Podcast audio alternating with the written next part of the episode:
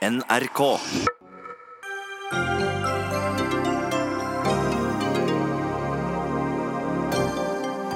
Er døren for høy og porten for vid i Kristelig Folkeparti?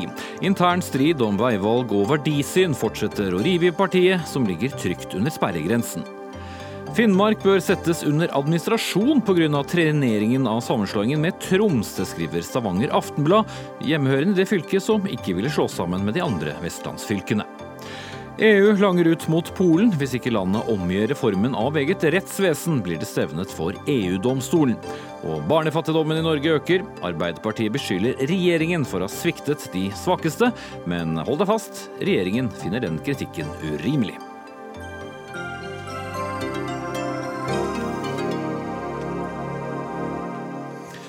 Sier vi god kveld og velkommen til ukens siste Dagsnytt 18 med Espen Aas i studio.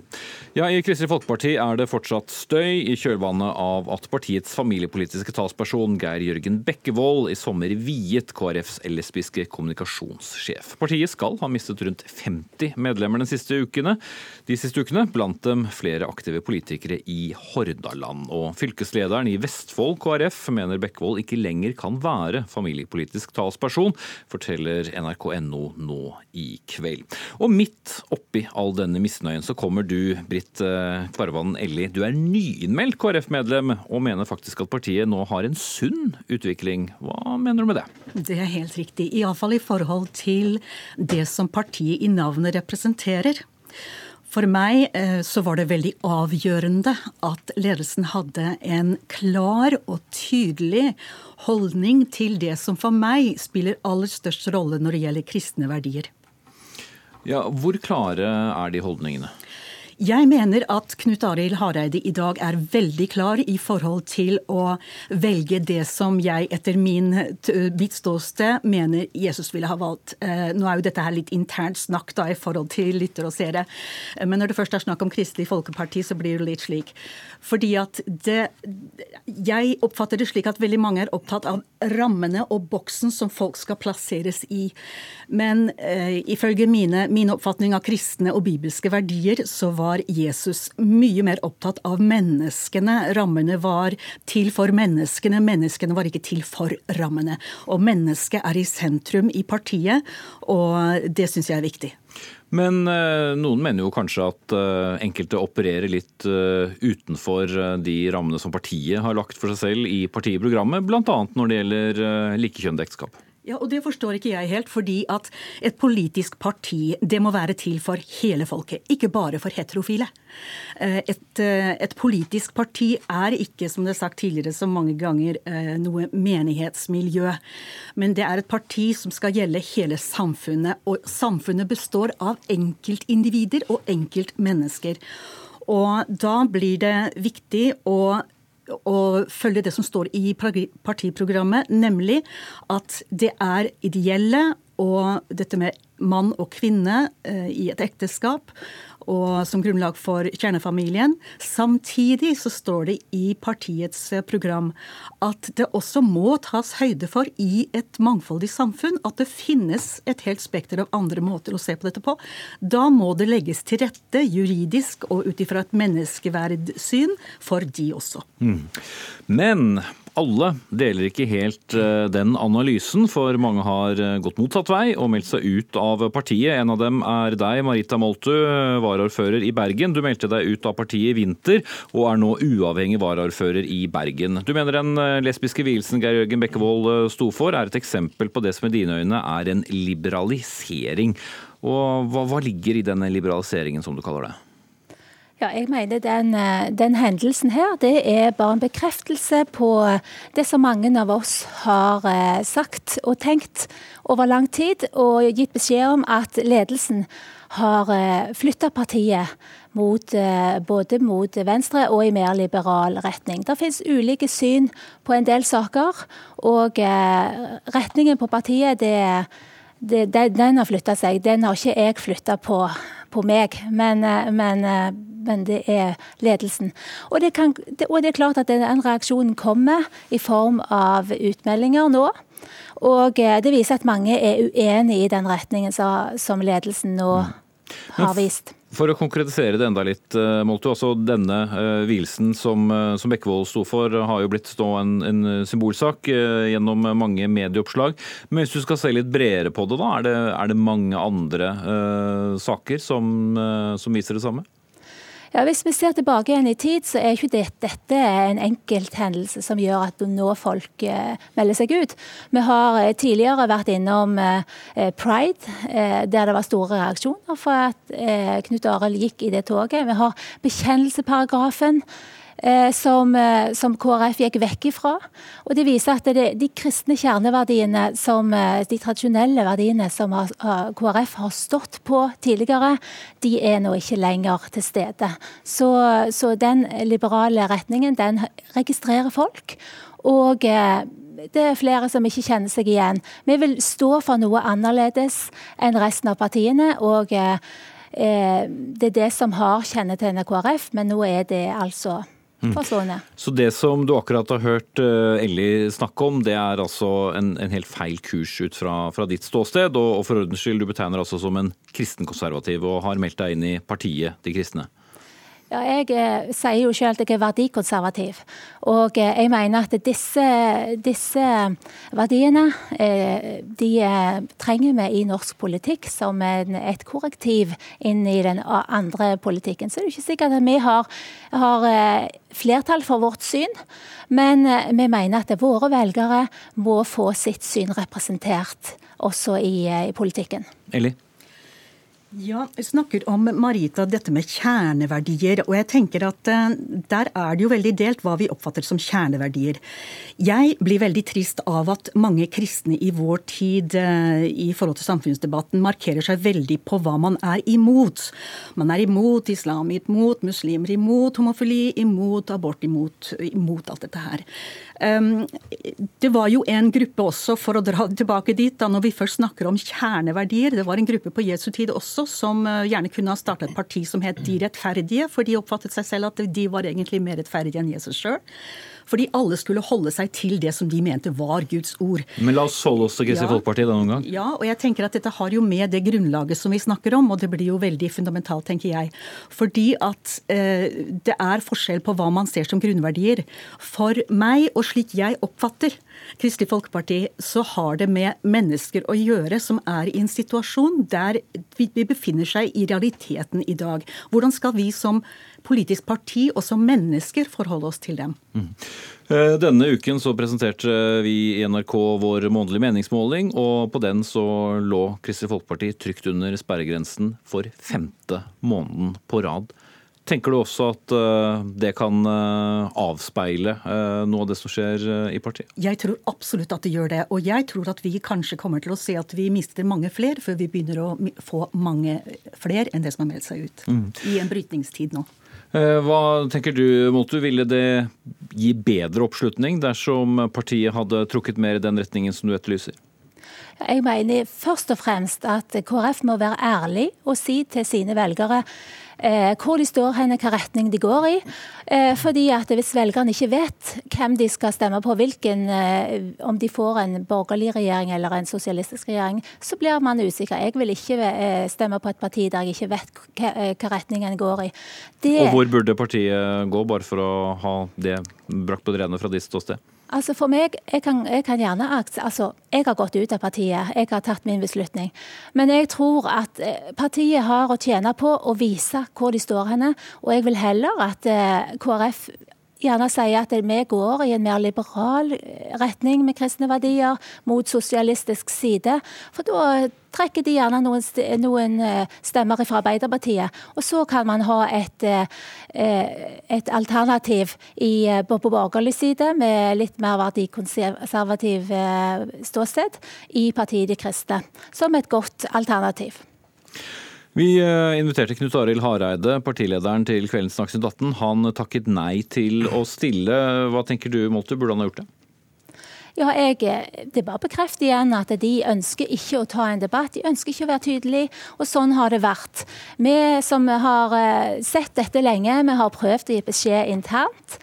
Det har ikke de evne å lytte til. Og en ønsker heller ikke å ta det eksternt, altså via media. Fordi en, og jeg mener jo at den fører både medlemmer og velgere bak lyset med ikke vise hvilken strategi de fører. Mm, Eli?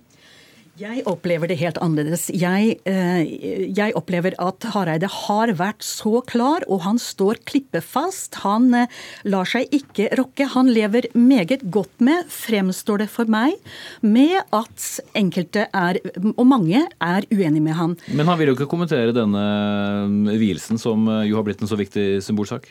Nei, altså nå skal jo ikke jeg svare for han, i og med at ikke han er her. Men, jeg... men vil du ikke sett at han gjorde det? Nei, altså jeg, jeg, forstår det han har sagt, med at det har ikke med et menighetsliv å gjøre. Dette her har med et politisk parti å gjøre. Og ethvert politisk parti med troverdighet, for at det skal bli troverdig, så må det kunne forholde seg til alle mennesker, slik det også står i partiprogrammet. Og det er jo ikke første gang at enkeltpersoner i politiske partier i sentrale stillinger har eh, distansert seg noe ifra eh, kjernegruppen og det har de levd meget godt med, og det registrerer jeg at Hareide også kan leve veldig godt med. Da skal jeg vende meg til eh, kommentatorene her. Eh, Magnus Takvam, politisk kommentator her i NRK. I Hordaland så har altså KrF den siste tiden mistet både fylkesvaraordføreren og sin varaordfører i Bergen, altså Marita Moltu som var med her. Hva forteller det om situasjonen i partiet? Nei, Hvis man ser det utenfra, så er det jo selvfølgelig svært uheldig for, for partiet. Det skaper et inntrykk av eh, et parti i oppløsning, for å sette det litt på spissen. Men hvis man går inn i enkeltsakene her, så det, skiller de seg jo fra hverandre. Pål Kårbø, som har gått over til Høyre, har jo begrunnet dette mye med nominasjon osv. Og, så videre, og muligheten for å fortsette i eh, fylkesvaraordførervervet, eventuelt andre verv i fylkeskommunen ved, ved lokalvalget. Og Marita Moltus, eh, ektemann, har jo også tidligere gått over til partiet De kristne. Eh, det jeg har lyst bare å, å, å, å, føye til i hele denne debatten som har blusset opp etter denne vigselhistorien, er at det er ikke riktig å si at alle eh, som f.eks. Eh, går inn for eh, det borgerlige alternativet eh, når det gjelder KrFs veivalg, reagerer på eller er veldig aggressivt mot den handlingen Bekkevold har gjort. Fordi også i den leiren er det svært mange som har et um, mer liberalt syn på spørsmålet om homofili. Og jeg føler også at noe av årsaken til denne konflikten er at man er ikke konsolidert i synet på hva nettopp dere har vært inne på, Kristelig Folkeparti skal være, menighet eller parti. Det var jo noe som ble etablert under Valgjerd Svarstad Haugland etter partiets storhetsperiode, i 2003 var det vel. Og jeg tror mye av årsaken til denne konflikten er nettopp at det synet ikke deles. Den måten å se partiet på deles ikke av det kristenkonservative miljøet. Mm. Uh, Alf Jøssen, konstituert eh, sjefredaktør i Vårt Land. Dere har brukt mange spaltemeter på denne saken denne uken. Og mm. flere av de som har uh, meldt seg ut, har også uh, kommet til orde der. Hva slags press mener du nå ligger på partiledelsen? Det er klart at jeg tror at eh, det er et betydelig press som vil vare en ganske lang stund framover. Det er jo litt pussig at eh, man snakker så mye om at KrF ikke er en menighet, men et eh, parti. Og det er jo veldig tydelig at det er en akse i partiet der noen opplever og argumenterer teologisk for sine ståsted, og ikke tar inn over seg at det er en del spørsmål som man ikke har mulighet overhodet til å få gjennomslag for i realpolitikken, som f.eks. reversering av spørsmål om likekjønnet ekteskap kunnskap.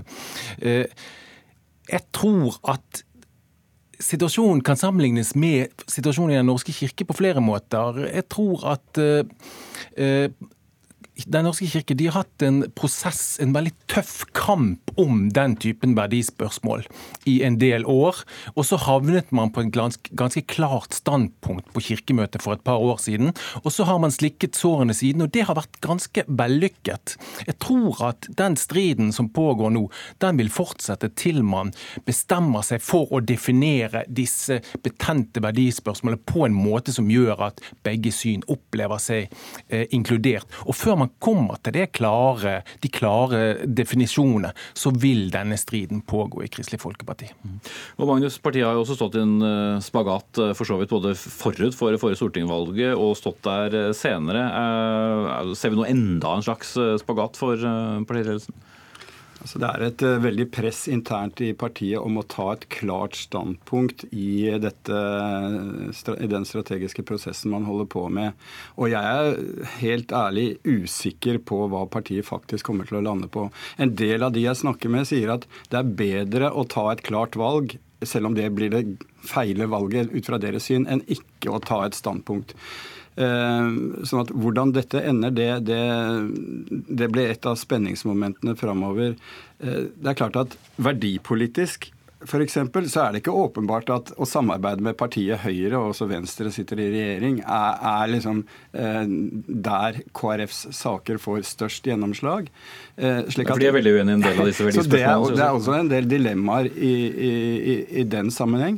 Og det er også klart at Arbeiderpartiet, som i en, i en, periode da partiet var høyt oppe, kunne være fristende for, for KrF, fordi man kunne teoretisk danne flertall med Senterpartiet og Arbeiderpartiet f.eks. Mens nå er jo selvfølgelig Arbeiderpartiet i en, eh, fremdeles i en krise.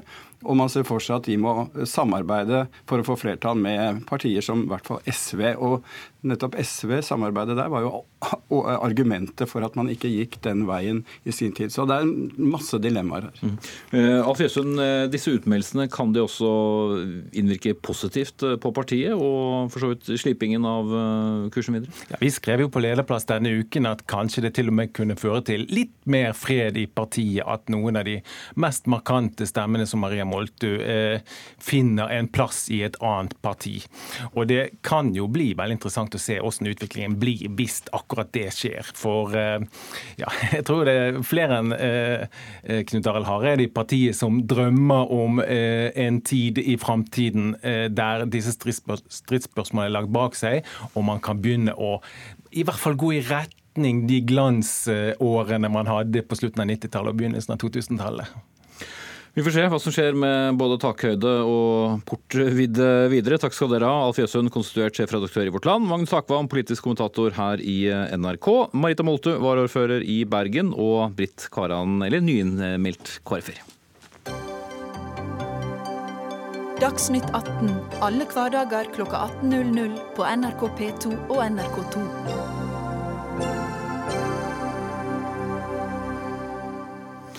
Vi skal til det som vi absolutt kan kalle en gjenganger her i Dagsnytt 18, og for så vidt i nyhetsbildet for øvrig. For den fastlåste sammenslåingsprosessen mellom Troms og Finnmark har gått så langt at Finnmark, som nekter å slås sammen med Troms, kanskje burde settes under administrasjon. Ja, det skrev i hvert fall Stavanger Aftenblad på lederplass eh, i går. For øvrig Stavanger i Rogaland fylke, som ikke ville være med i fylkessammenslåingen som resulterte i storfylket Vestland. Men la nå det ligge nå. Lars Helle, sjefredaktør i denne avisen. Eh, det er jo i så fall veldig drastiske tiltak hvis man må sette vårt nordligste fylke under administrasjon i denne prosessen? Ja, det vil være veldig drastisk, men det er jo ganske drastiske ting som har skjedd i Finnmark, eh, særlig den siste uka. Vi har jo fulgt med fascinasjon den debatten eh, som har vært lenge, og har jo langt på en forståelse for at dette er vanskelig for finnmarkingen, og at det er fullt lovlig å ha en motstand mot dette her. Det som skjedde eh, tidlig denne uka, var at statsråden Monica Mæland kalte inn fylkene for å høre hvordan det ligger an i prosessen, og for å få fortgang i prosessen. Da svarer fylkesordføreren, eh, i alle fall ifølge Aftenposten, at det eneste møtet hun vil gå på, det er et møte hvor hun kan diskutere hvordan Finnmark kan bestå som eget fylke. Det er en ganske forbløffende reaksjon, og det er å ta dette ett skritt for langt. For da, da det, Der setter altså fylkeskommunen i Finnmark seg opp mot hele det norske politiske systemet eh, og den nivå, eh, nivåfordelingen vi har, arbeidsfordelingen vi har med de forskjellige nivåene. Eh, og, og setter seg rett og slett opp mot en helt lovlig innsatt regjering og et lovlig vedtak i Stortinget, selv om det selvfølgelig er en diskusjon om hvor hvor rett det er, men, men det er noe som vi savner sidestykke, etter vår mening. Og Det er en sak som angår eh, ikke bare Finnmark, men hele landet. Så vi eh, mente det var rett å påtale dette. Ja, da kan vi jo vende oss til deg. Vi Ragnhild Vassvik, fylkesordfører i Finnmark fra partiet Arbeiderpartiet. Eh, hva sier du til tanken om å bli satt under administrasjon for eh, alle disse samarbeidsvanskene med, med nabofylket og med departementet? Ja, Det er jo en utrolig spesiell eh, vending i saken i så fall, hvis det skulle skje. Eh, det, jo, det, ville jo vært ganske dramatisk, og jeg tror det mangler sidestykke om, om, det, om det, skulle skje. Er det ikke litt dramatisk det, det som har oppstått også, med at dere ikke vil snakke med motparten?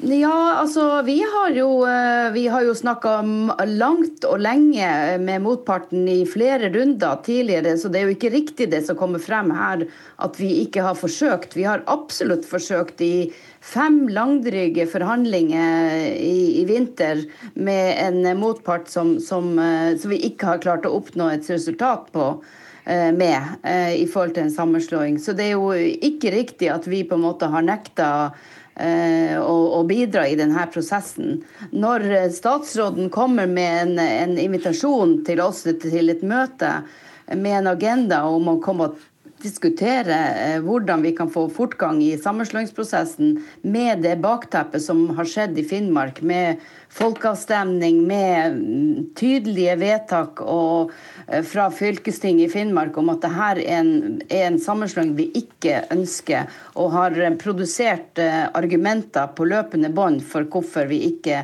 vil være med på det her. Men Stortinget har jo vedtatt dette to ganger. Handler ikke dette om å bøye seg for de demokratiske prosessene som er her i landet, da? Ja. Men nå mener vi at det her er en, en sak som Det eneste rette nå med den situasjonen vi er i, det er å sette, sende saken tilbake til Stortinget så vi kan få en ny debatt. Det har sågar også kommet opp nå at det, det, det vedtaket som ble fatta i Stortinget om sammenslåing av Troms og Finnmark i juni i fjor, eh, er eh, strider mot loven. Det mener i hvert fall eh, jusprofessor Eivind Smith i offentlig rett. Mm. Og Han har vært med i Dagsnytt 18 et par ganger. Skal bare bryte av deg av der, Vassvik, for han har vi snakket med altså, to, i hvert fall to ganger her, her i Dagsnytt 18. Jeg vil bare gå tilbake til deg, Lars Helle i Stavanger Aftenblad. Vi snakker jo om et fylke der vel 87 sier at ikke de vil slå seg sammen. Er det ikke da et poeng at de får i hvert fall gå så langt de klarer? Jo, og da burde de i alle fall stille opp på de møtene jeg mener folkevalgte representanter er forplikta til å møte i f.eks. det møtet som skal være med, Monica Mæland på mandag. Eh, så kan du jo, det er jo ingen tvil om det, det, det, er ingen tvil om at de fleste finnmarkingene er mot denne sammenslåingen. Så kan du diskutere om den, hvor bra den folkeavstemningen var, men, men, jeg tror at, at den reflekterer i alle fall langt på vei eh, folkemeningen i, i, Finnmark. Men det er jo heller ikke sånn at, at det, en, en lokal avstemning skal definere hvordan norgeskartet skal tegnes. Det er jo Stortinget som må bestemme det. Og, og, det er heller ikke sånn at det en, selv om man er professor, og, og, det er flere jurister som har sagt det samme, det de sier, kan føre til at hele prosessen settes på, på vent. For dette er ikke bare just, det er først og fremst politikk.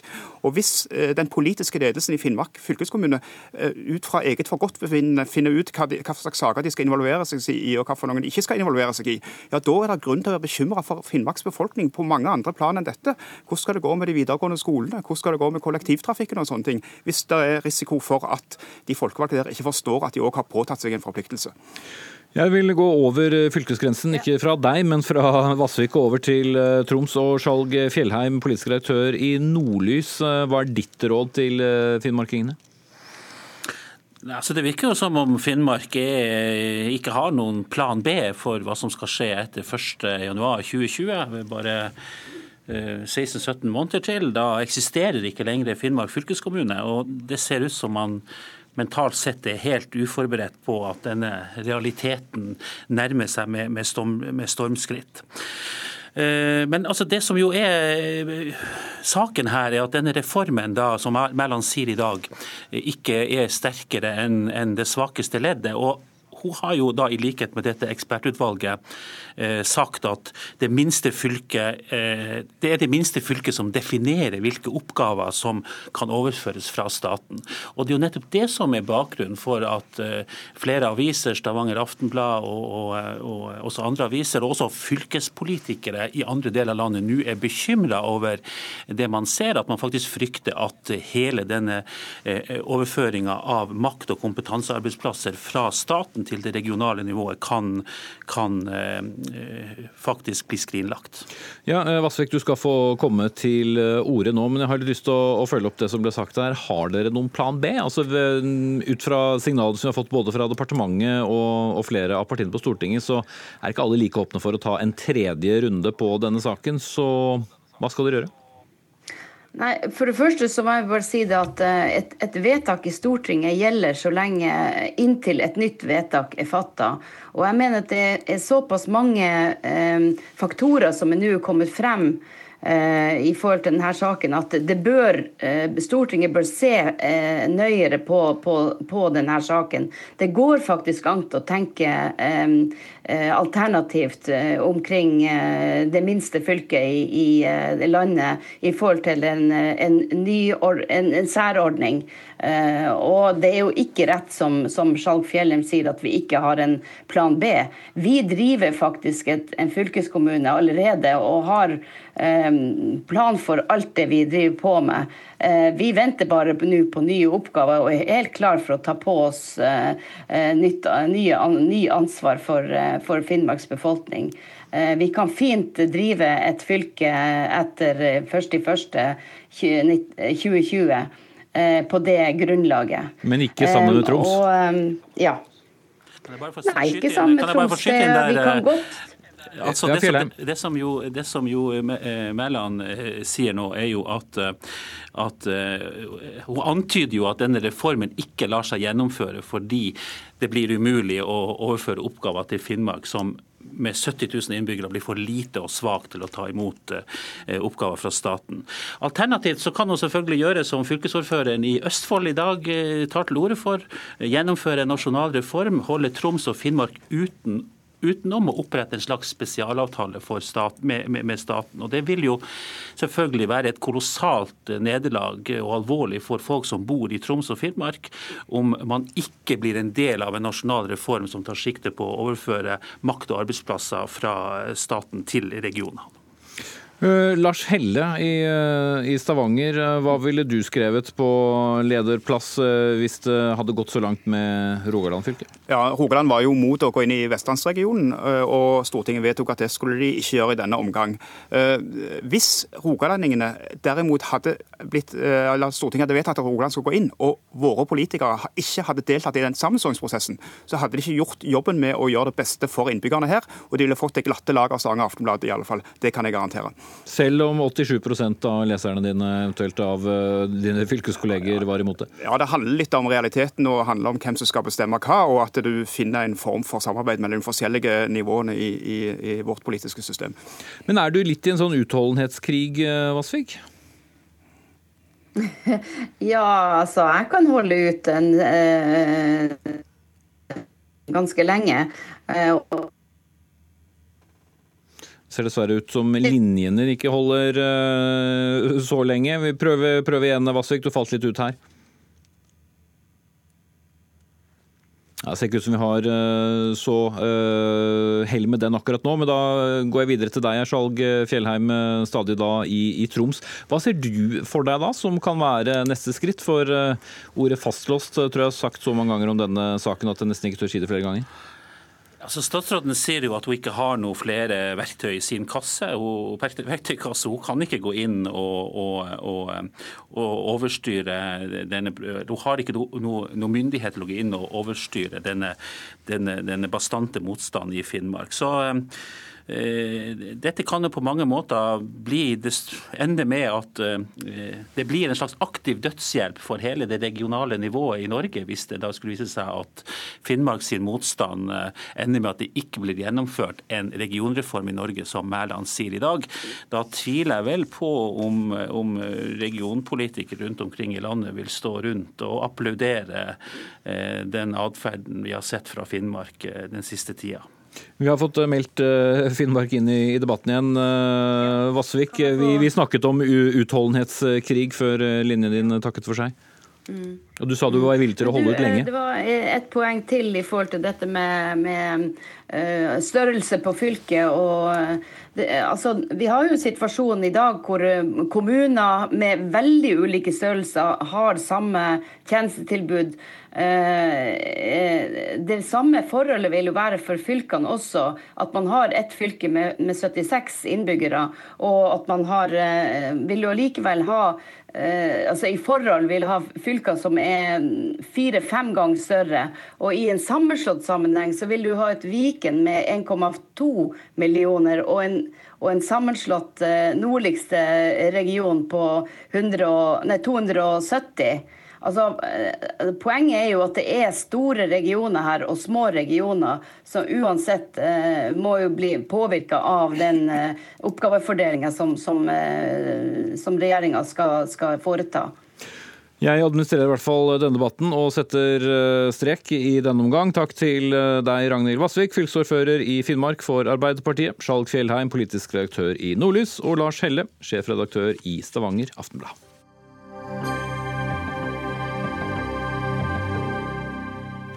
Og sent, men godt kom det et musikalsk eh, skiltegn, og våre neste gjester er altså kommet eh, i studio. For å hindre svart arbeid og annen arbeidsmarkedskriminalitet ønsker skatteetaten nå å dele mer informasjon om hvem som betaler skatt og andre avgifter, og hvem som ikke gjør det. Og Dette forslaget har nå vært ute på høring og skal behandles i, eller er under behandling i Finansdepartementet. Hans Christian Holte, direktør i skatteetaten. Eh, hva slags opplysninger er dere vil dele mer av? Det er rett og slett opplysninger som viser om, eh, om virksomheter eh, har det skattemessige orden. Det er én type opplysninger vi ønsker å dele. Og Den type opplysninger de er ikke offentlig eh, kjent i dag. Det betyr at når du som forbruker eller jeg som offentlig innkjøper skal vurdere seriøst mot useriøst, så har vi ikke en god informasjon, rett og slett. Så vi settes ikke godt i stand til å gjøre det valget. Men hvordan vil det fungere? Vil det altså, må jeg kunne lese meg i så fall frem til tallene selv? Vil det stå vedkommende har ikke betalt moms? Hvordan fungerer det? Ja, Det vil være noen type opplysninger. F.eks. har denne virksomheten betalt merverdiavgift de siste terminene? Har, har eh, skatteoppgjøret vært riktig? Osv. Så, videre. så det er én bit av det eh, som jeg tror har effekt for deg og meg, og som sagt de som skal vurdere seriøsiteten. Eh, og så er det en annen viktig del som dreier seg om eh, hvordan vi samarbeider i det offentlige. Eh, regjeringen er opptatt av at vi skal ha en digital offentlig forvaltning hvor informasjonen flyter effektivt. Det er et knippe tiltak her som også dreier seg om å gjøre det lettere å utveksle informasjon, f.eks. med politi, med andre kontrollmyndigheter, bl.a. for å bekjempe den svarte økonomien. Mm. Og bare for å presisere det, det gjelder foretak. altså du, Det vil ikke være min personlige økonomi, i den grad noen skulle ha interesse av den, som, som deles? Dette er, dette er virksomheter vi, vi, snakker om her eh, når det gjelder denne type utveksling av informasjon. Mm. Bjørn Erik Thon, direktør i Datatilsynet. Dere er ikke så glad i deling av, av informasjon. Hvorfor ikke? Det kommer helt an på hvordan det blir gjort. Eh, og vi har ikke noen sånn prinsipielle innvendinger egentlig mot at, eh, mot at, det deles data mellom offentlige etater. Eh, og vi er heller ikke imot at skatteetaten og andre offentlige etater skal få nye verktøy og kunne også dele informasjon for å få tatt skattesvindler eller tollsvindler eller momssvindler eller hva det måtte gjøre. Men så er det noe med at når man skal lage lover, så må man legge alle kort på bordet fra lovgivers side. For det er bare da vi får anskueliggjort og får kjennskap til hva slags konsekvenser lovforslaget får. Eh, det er bare da eh, høringsinstansene som skal belyse saken, får mulighet til å gi en begrunnet mening om hvordan de ser på dette forslaget. Eh, og det er altså ikke tilfellet i dette, i dette, når det gjelder akkurat dette lovforslaget. Ok, Hva mangler? Så, så, altså, det er veldig mye som mangler. For når man beskriver personvern og personvernkonsekvenser i dette lovforslaget, så beskriver man det i helt generelle vendinger. Man sier hva personvern er man sier hva slags regler som gjelder, eh, man sier hva slags prinsipper man skal bygge det på. Men når det kommer til de konkrete vurderingene, hvor man må stille opp eh, kriminalitetsbekjempelse eh, ja, eller hva det måtte være på den ene siden, mot personvernkonsekvensene på den andre siden, så er det ja, jeg vet ikke hva jeg skal si for noe, men eh, for å være litt diplomatisk, altfor dårlige vurderinger. Eh, og da er det vanskelig for eh, de som skal skrive uttalelser å ha noen berettiget mening. Du mener være mer udiplomatisk òg, ja, men, hva, hva, er det som i så fall er, er risikoen her da, for, ja, det, er for saken, det er jo at saken blir avgjort på feil premisser. og Dessuten så er det egentlig litt dårlig gjort overfor skatteetaten og alle andre som skal dele informasjon også. For her hadde departementet hatt en helt unik mulighet for å gjøre jobben mye lettere når de skal sette i gang og begynne å bruke disse nye verktøyene sine. For da kommer det til å bli mye utveksling av informasjon. Så hvis departementet hadde gjennomført det som i det nye personvernregelverket, som er veldig veldig sentralt i dette her, heter en ja, vi kan kalle det utredning av personvernkonsekvenser, så hadde de andre etatene kommet mye raskere i gang. Men nå er det de som må sitte og gjøre disse vurderingene, som er tunge, omfattende, detaljerte, eh, og som selvfølgelig vi kommer til å sjekke veldig grundig når de kommer. For det kan, hvis de ikke gjør dette riktig, i siste instans føre til at eh, reglene brytes. Ok, Vi har for øvrig invitert Finansdepartementet. De hadde ikke mulighet til det, men da får du svare for det, Holte. Er det ikke gjennomarbeidet nok? Altså, her, er nok, eh, her, er nok, vår vurdering at det ligger ganske betydelige eh, vurderinger av personvernet i dette 100-siders eh, eh, høringsnotatet fra Finansdepartementet. Eh, og de har en ganske, etter vår vurdering en ganske grundig avveining. Eh, og så tror jeg Tone og jeg er altså Det er forferdelig mye vi er enige om. Vi er, vi er enige om mulighetene for å dele informasjon, og vi er, viktig, vi er også enige om betydningen av å ivareta personvernet for at eh, tilliten skal opprettholdes, også når vi deler informasjon med andre virksomheter. Jeg mener at dette knippet med forslag, eh, det bør Stortinget kunne ta stilling til. Det er helt reelle avveininger her mellom personvernhensyn og f.eks. det å bedre bekjempe eh, den svarte økonomien. Ja, må man fire på personvern hvis gevinsten er uh, mer bekjempelse? Nei, jeg tror vi kan oppnå begge deler her. fordi jeg tror f.eks. bl.a. et annet sett eh, med regler som, som Bjørn Erik Tone og co. nå har hendene fulle med, nemlig dette såkalte GDPR, dette personverndirektivet.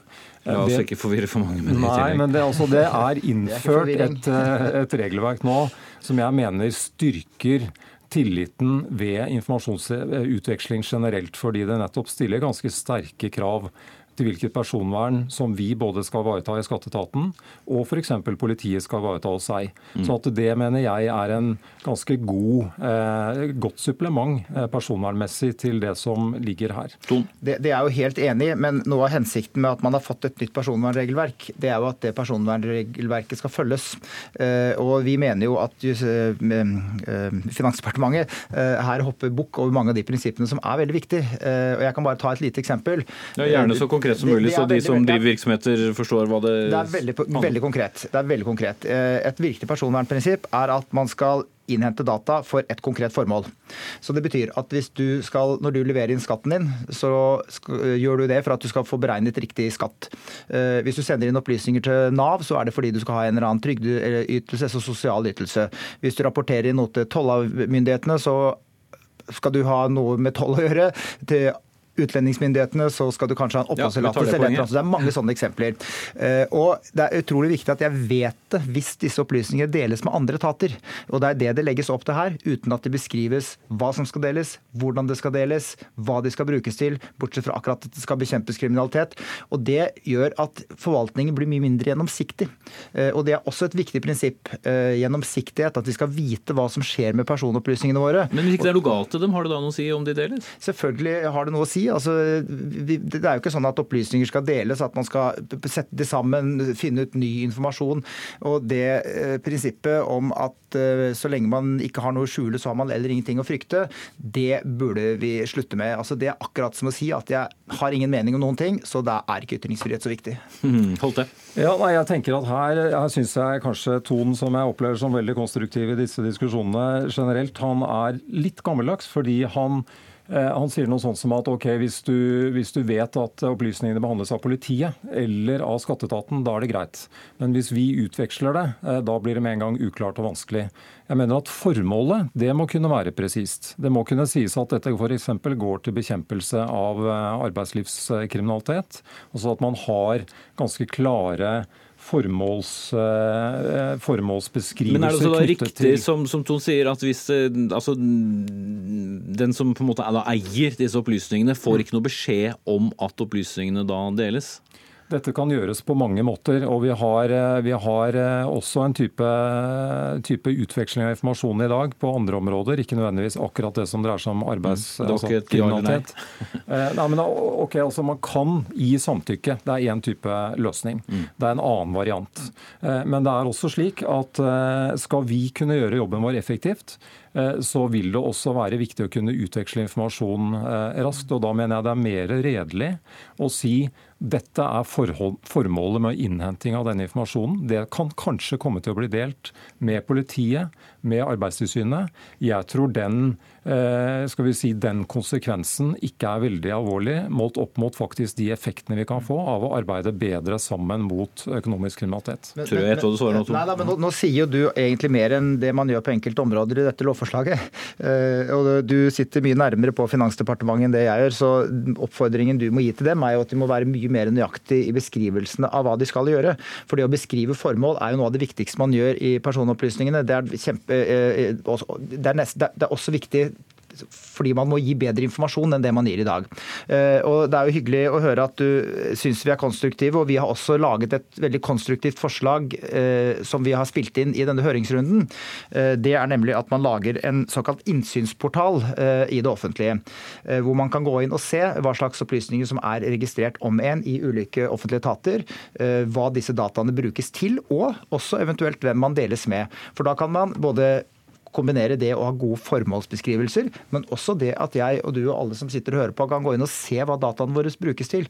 Vi har altså en helt unikt god ehm, eh, tillit og høy tillit til offentlig sektor i Norge.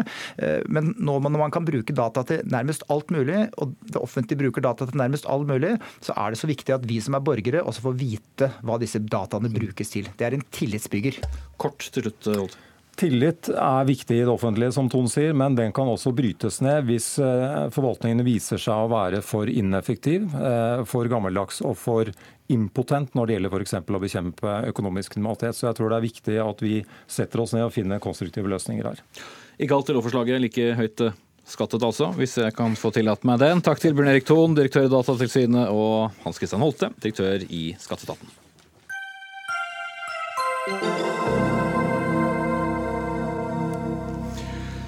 Vi eh, fortsetter eh, utenriks i eh, Dagsnytt 18, for denne uken varslet EU-kommisjonen at Polen har én måned på seg til å omgjøre reformen av rettsvesenet. Hvis ikke det skjer, ja, så vil landet bli stevnet for EU-domstolen, skriver kommisjonen i en pressemelding. Blir Polen således dømt, så kan landets myndigheter få store bøter. Reformen den er svært omdiskutert fordi den gir politikerne kontroll over landets høyesterett. Og Ingrid Brekke, journalist i Aftenposten og tidligere Sentral-Europa-korrespondent for samme avis. Hvor alvorlig er denne saken blitt for forholdet mellom EU og medlemslandet Polen? Den er veldig alvorlig. Den er alvorlig for EU fordi at de sliter med å, å få et medlemsland til å følge elementære rettsstatsprinsipper. Altså Polen er nå kan, ville kanskje aldri blitt medlem hvis de hadde uh, hatt det sånn i utgangspunktet. Uh, men selvfølgelig er det mest alvorlig for Polen, fordi at Polen og polakkene uh, er i ferd med å få et system der politikerne eh, bestemmer over det som skulle vært en, en, uavhengig instans. I ytterste konsekvens så er jo også dette Høyesterett kan jo bestemme om de vil akseptere eller ikke valgresultat, f.eks. Så dette kan jo bli veldig alvorlig. Mm. Eh, hva er da årsaken til at den polske regjeringen og vel for så vidt også flertallet i nasjonalforsamlingen har ment at dette har vært viktig å kunne kontrollere Høyesterett? Nei, Det er vel eh, for det første at dette er en eh, type regjering som tror på sterk eh, sentralmakt. Og på å kunne influere både rettsvesenet og media, har vi jo sett eksempler på at det er en, en liten brikke i en, en større prosess. og så tenker jeg også at kanskje under ligger det også litt en slags litt annen oppfatning av hva demokrati er. At eh, mange tenker eh, i Polen og andre postkommunistiske land at demokrati er at man velger noen som på en måte får satt seg igjennom og satt sin politikk igjennom. Og Derfor møter dette også ikke så stor motstand som man kanskje skulle tro. Da. Regjeringspartiet fortsetter jo å være veldig populært, til tross for at de gjør disse tingene, som, som også jo mange er uenig i. Mm. Og bare for å ta den delen nå, og, og Polen er ellers fornøyd med, og polakker fornøyd med, med sitt EU-medlemskap? Ja, de jo, eh, pleier jo å være det landet som er mest positive til, EU. Og mest glad i EU. Sånn at, eh, at, her er det mange lag og mange komplekse eh, meninger på en gang. Mm. Jeg skal vende meg til deg, Jakob Godsemirski, forsker ved Norsk utenrikspolitisk institutt med Øst-Europa da som spesialfelt. Hvor kan dette gjøre? Altså, kan det virkelig skade forholdet mellom EU og Polen, som da er i utgangspunktet godt? Man kan uh, kanskje si at det har allerede skadet forholdet mellom Polen og EU, fordi det har oppstått en konflikt som uh, er vanskelig å finne en løsning på. Det er to motstridende prinsipper som uh, viser at man satser på. ikke sant? Polske myndigheter understreker i veldig stor grad at de er suverene til å ta beslutninger, at de har fått støtte fra deler av folkemassen eller velgermassen ikke sant, til å gjennomføre disse dype reformer, mens EU er helt helt uenig i måten dette gjøres på. Det handler ikke om reformer eller ikke reformer, det handler om hvordan dette gjøres og hva dette skal eh, tjene til. Eh, det er slik at eh, den nåværende regjeringen som har fått en viss legitimitet, de fikk jo nesten 40 stemmer, men med veldig lav valgdeltakelse, representerer kanskje 20 av den polske velgermassen. De gjennomfører reformer som er i ferd med å endre måten det politiske systemet i Polen er skrudd sammen på. De har fått et eh, flertall i parlamentet, og det er veldig lett for dem å gjennomføre disse reformer, men eh, de har ikke stemmer nok til å endre grunnloven, mens det de gjør, er de facto endring av måten det politiske systemet i Polen er skrudd på. Det er det som vekker oppsikt og misnøye i EU. Mm. Og uh, selvfølgelig det er veldig uvanlig uh, at en, uh, en, regjering og et parlament gjør det de har gjort overfor domstolene, men igjen så vil det også være spesielt i EU-sammenheng at EU må gå inn og nærmest da omgjøre et vedtak som er, er vedtatt av landets nasjonalforsamling. Det er litt uvanlig, men eh, det er eh, derfor man har sluttet seg til EU, for å få en slags eh, ramme som kan brukes for å få løst en del konflikter på hjemmebane. Det er slik at alle land som har valgt å gå inn i EU, har valgt også å følge en del grunnprinsipper, ikke sant? Og man hadde disse København-kriterier, og da må man leve opp til disse forventninger. Det handler ikke om å begrense makt til politiske leder i et land som Polen, men det handler om å leve opp til en del standarder og verdier og normer som EU står for, rett og slett. Uh, Ingrid Brekke, er det særlig, vært særlig opposisjon da mot uh, det regjeringen har gjort her? Ja, det har vært en tydelig opposisjon. Altså, en ting er at dommere selv og folk som uh, jurister og sånn har jo protestert, selvfølgelig. Eh, Høyesterettsjustitiarius selv har jo eh, fortsatt Hun ble jo egentlig tvangspensjonert for en måned siden, men har da fortsatt å, å, gå på jobb. Men det har jo også vært demonstrasjoner, og opposisjonen markerer seg veldig klart og tydelig og jeg er både sinte og bekymra og redde, tror jeg. Men problemet med sånne ting som dette her er jo at det er ganske abstrakte problemstillinger som er vanskelig å få en sånn massemobilisering eh, mot. da. Men, men, politisk opposisjon er det veldig tydelig og mye av. Mm. Polen, stort folkerikt eh, land med mange store, viktige naboer. Smitter denne konflikten på noen måte over på dem? Altså, man kan jo si at Ungarn har gått i spissen for denne type utvikling. da.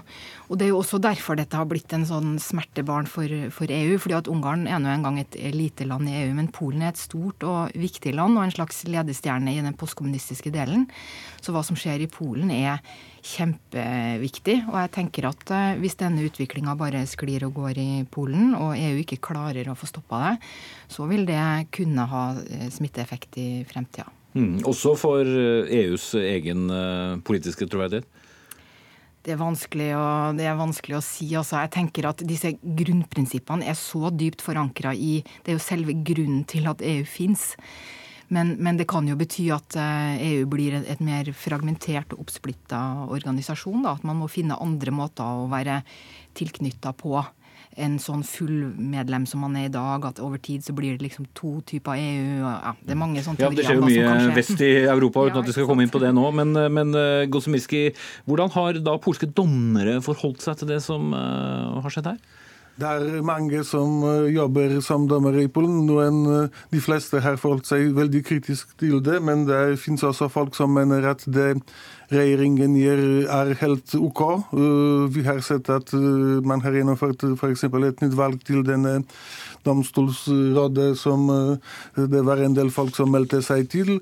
Nå er det også valg til Høyesterett, som vi ser også at det er en del folk som har kommet på banen. Det er viktig å se denne domstolsreformen i en større sammenheng. Det er en del av en slags reformprosess som den nye regjeringen har satset på. Det har også noe med deres forståelse av polsk historie å gjøre. De mener at uh, Polens uavhengighet begynte egentlig uh, først i 2015, da de vant dette valget. ikke sant? At alt det som var mellom 1989 og 2015 var en slags overgangsperiode hvor man, og at man måtte på en måte rydde opp i, det, system, det gamle systemet. ikke sant? Så det, At de tar oppgjør med domstolen, er en del av en større prosess prosess som eh, omfattet både medier og en del andre eh, ting. Det, det har også noe med denne eh, ønsket om å skaffe seg mer kontroll og makt på det sentrale plan. Og det er først og fremst slik at domstoler er viktige fordi de kan nettopp bestemme om f.eks. valget var avholdt i samsvar med regler eller ikke. Ja, om valget er gyldig eller uh, ugyldig. Uhyre spennende å se hva som skjer videre. Takk skal dere ha, Jakob Gosmirski, forsker ved NUPI, og Ingrid Brekke, journalist i Aftenposten. Hør Dagsnytt 18 når du vil. Radio NRK Radio.nrk.no.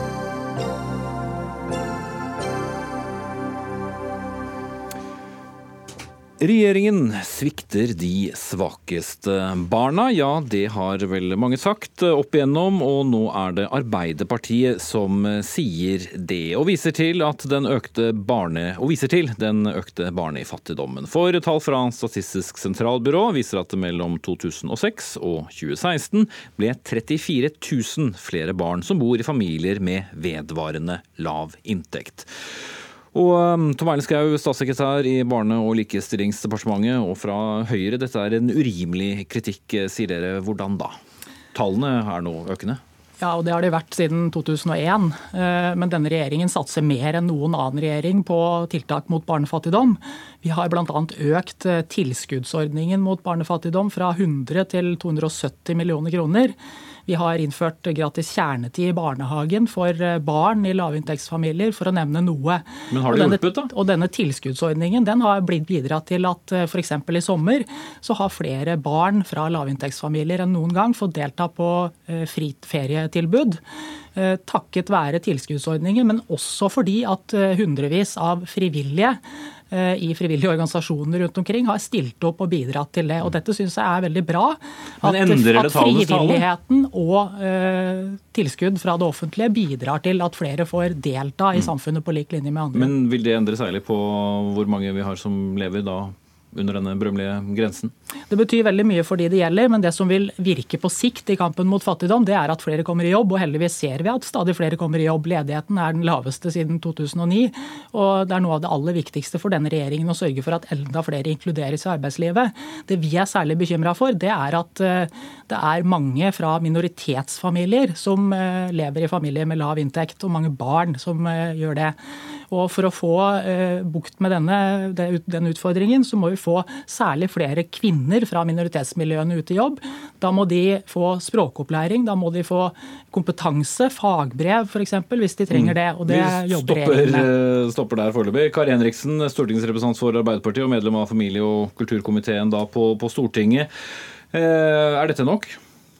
Nei, det er langt fra nok. Og jeg syns det er ganske urovekkende å høre at regjeringa tar så lett på dette alvorlige problemet. Vi, det virker som de ikke helt forstår hvor alvorlig denne fattigdomskrisa er for barna, familien og samfunnet. Under denne høyreregjeringa så øker forskjellene mellom folk, andelen fattige barn øker, og andelen utenfor arbeidslivet øker. Den falt vel ikke under den rød-grønne regjeringen åtte år heller? Nei, det han gjorde var at han falt veldig i begynnelsen, og så flata han ut, og så økte han nå de to siste årene. Men det som jeg synes vi skal legge bak oss, det som har vært, for nå skal vi se framover. Og det som er viktig, er at de tiltakene denne regjeringa har satt inn, de har ikke hatt effekt. I tillegg så ser vi at de øker eh, levekostnadene for, eh, for eh, småbarnsfamilier. Barnehageprisene går opp, egenandelene på helse går opp, og de kutter i viktige velferdsordninger. Men tiltakene vår- til Skaug her, da? Hva ja, men jeg skal bare si, og I vår, så når, han når Skaug og regjeringa nå snakker om å få folk inn i arbeid, så vedtar de altså i vår en gradert kontantstøtte som alle, bortsett fra Høyre, Venstre, Fremskrittspartiet og Kristelig Folkeparti, mener er å føre folk ut fra arbeidslivet, nemlig en gradert kontantstøtte. Skal, Så det vi har sett- jeg skal bare si-. Ja, du, du skulle bare si det du akkurat har sagt, og så stoppe litt underveis, så skal du heller komme tilbake. Eh, skal jeg svare på kritikken fra, fra Henriksen på det dere har og gjort og ikke gjort? Ja, Det er jo nettopp fordi at vi tar dette problemet på alvor, at det er en av de aller viktigste prioriteringene for denne regjeringen. Det er derfor vi bruker mer penger enn noen annen regjering på tiltak mot barnefattigdom. Og det er derfor det er så viktig for denne regjeringen å jobbe for at enda flere skal komme seg ut i jobb. Når kommer resultatene, da? Ja, De kommer eh, når flere får, eh, får jobb og får inntekt. For det er det aller viktigste bidraget til å løfte familier ut av fattigdom, at de kommer i jobb. Heldigvis Er så ikke er kontantstøtten som da et virkemiddel som gjør at mange, f.eks. innvandrerkvinner som du nevner, velger å bli hjemme, slik eh, Henriksen eh, nettopp sa her? Nei, Jeg tror Arbeiderpartiet forenkler denne debatten altfor mye når de får det til å høres ut som at en med et trylleslag kan eh, fjerne fattigdommen ved å fjerne kontantstøtten. Det er helt feil.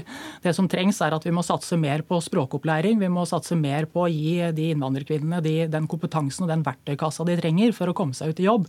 Det er det som virker på lang sikt, og det er det vi jobber med. Mm. Din løsning, Kari Henriksen og Arbeiderpartiet? jeg si at Arbeiderpartiet har i hvert fall ingen tryllestav. Vår historie viser at det er en kjempejobb som må gjøres.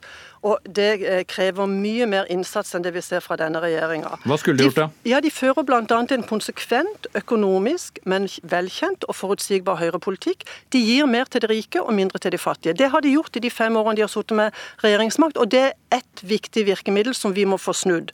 Og så ser vi at de har eh, De eh, bruker da kontantstøtte og virkemidler som gjør at det blir vanskeligere for folk å komme i jobb. Og billigere, altså Vi har makspris på barnehage, det vil Arbeiderpartiet ha. Vi vil ha gratis kjernetid. Og ikke og fjerne de ekte egenandelene på helse. Men det dere ikke vil ha, f.eks. Men hva vil dere gjøre da, hvis vi skal forsøke å være litt konstruktive Ja, nå- mot slutten her? Jeg kan ta et eksempel og bruke kontantstøtten på en alternativ måte. Der har Oslo har søkt om å få bruke kontantstøtten alternativt, nettopp direkte retta mot de kvinnene som skal inn i arbeidslivet. Det har denne regjeringa sagt nei takk til. Og det mener jeg beviser at denne regjeringa her ikke er opptatt av å få Eller at denne regjeringa er mer opptatt av å gi den økonomiske eh, politikken til de rikeste, Ja, ok. framfor å satse på de som virkelig trenger fellesskapets støtte. støtte. Da har du sagt det to ganger. Eh, Skau, du skal svare. Ja, og Det er like usant nå som tidligere. og Det at vi har en rekordsatsing mot barnefattigdom, det at vi har redusert eh, skattene for, med 10 000 kroner for en vanlig familie, eh, noe som hjelper godt for familier med stram inntekt, er jo Og det beste beviset på at det er helt feil. Arbeiderpartiet. Og så har de altså økt barnehageprisene, sånn at den 10 000-lappen nesten er gått til økt barnehagepriser Ja, ja, og fjerner søskenmoderasjonen. Nei, altså det, det Henriksen nå eh, sier igjen og igjen, blir jo ikke mer riktig av at hun sier det flere ganger. Eh, og Det viser seg jo bare at Arbeiderpartiet har jo ingen eh, andre virkemidler enn det vi har. Og det er vi som faktisk er den regjeringen som satser mer enn andre regjeringer har gjort på tiltak for å bekjempe fattigdom. Og vi fører faktisk en politikk som virker for å få flere ut i jobb. Derfor er ledigheten lavere enn den har vært på veldig lenge. Men denne statistikken går jo da helt opp til 2016 og inkluderer da f- mange av eh, deres eh, regjeringsår. Eh, Burde ikke sett noen resultater istedenfor at fattigdommen øker? Ja, Vi ser resultater. og En evaluering av tilskuddsordningen som Fafo har gjort i år, viser jo at dette har kjempebetydning for de, som, de, de barna som får delta på ferie- og fritidsaktiviteter som eh, følge av dette. Det har kjempebetydning for de barna som får lov å gå i barnehage fordi vi har innført gratis kjernetid. Og det har kjempebetydning fordi det har ført til økt fokus på barnefattigdom i kommunene, og der kan veldig mye av innsatsen settes inn. Helt kort til slutt, eh, Henriksen. Ja, jeg vil bare si at Disse barna er ikke bare fattige eh, om eh, sommeren når de skal på to ukers ferie. De er fattige året rundt. og Derfor trenger vi en grunnleggende politisk skifte i den økonomiske politikken. Og vi trenger en bred satsing på velferdsordninger som gjør at disse barna kommer inn i fellesskapet og ikke blir stående utenfor. Og mitt virkemiddel mot eh, engasjerte debattanter er å si at tiden er eh, omme. Takk skal eh, dere ha. Ansvarlig for denne sendingen, Jaran Ree Mikkelsen. Teknisk ansvarlig, Hanne Lunås. Jeg heter Espen Aas. Og tro det eller ei, vi er tilbake på mandag. Vi ses.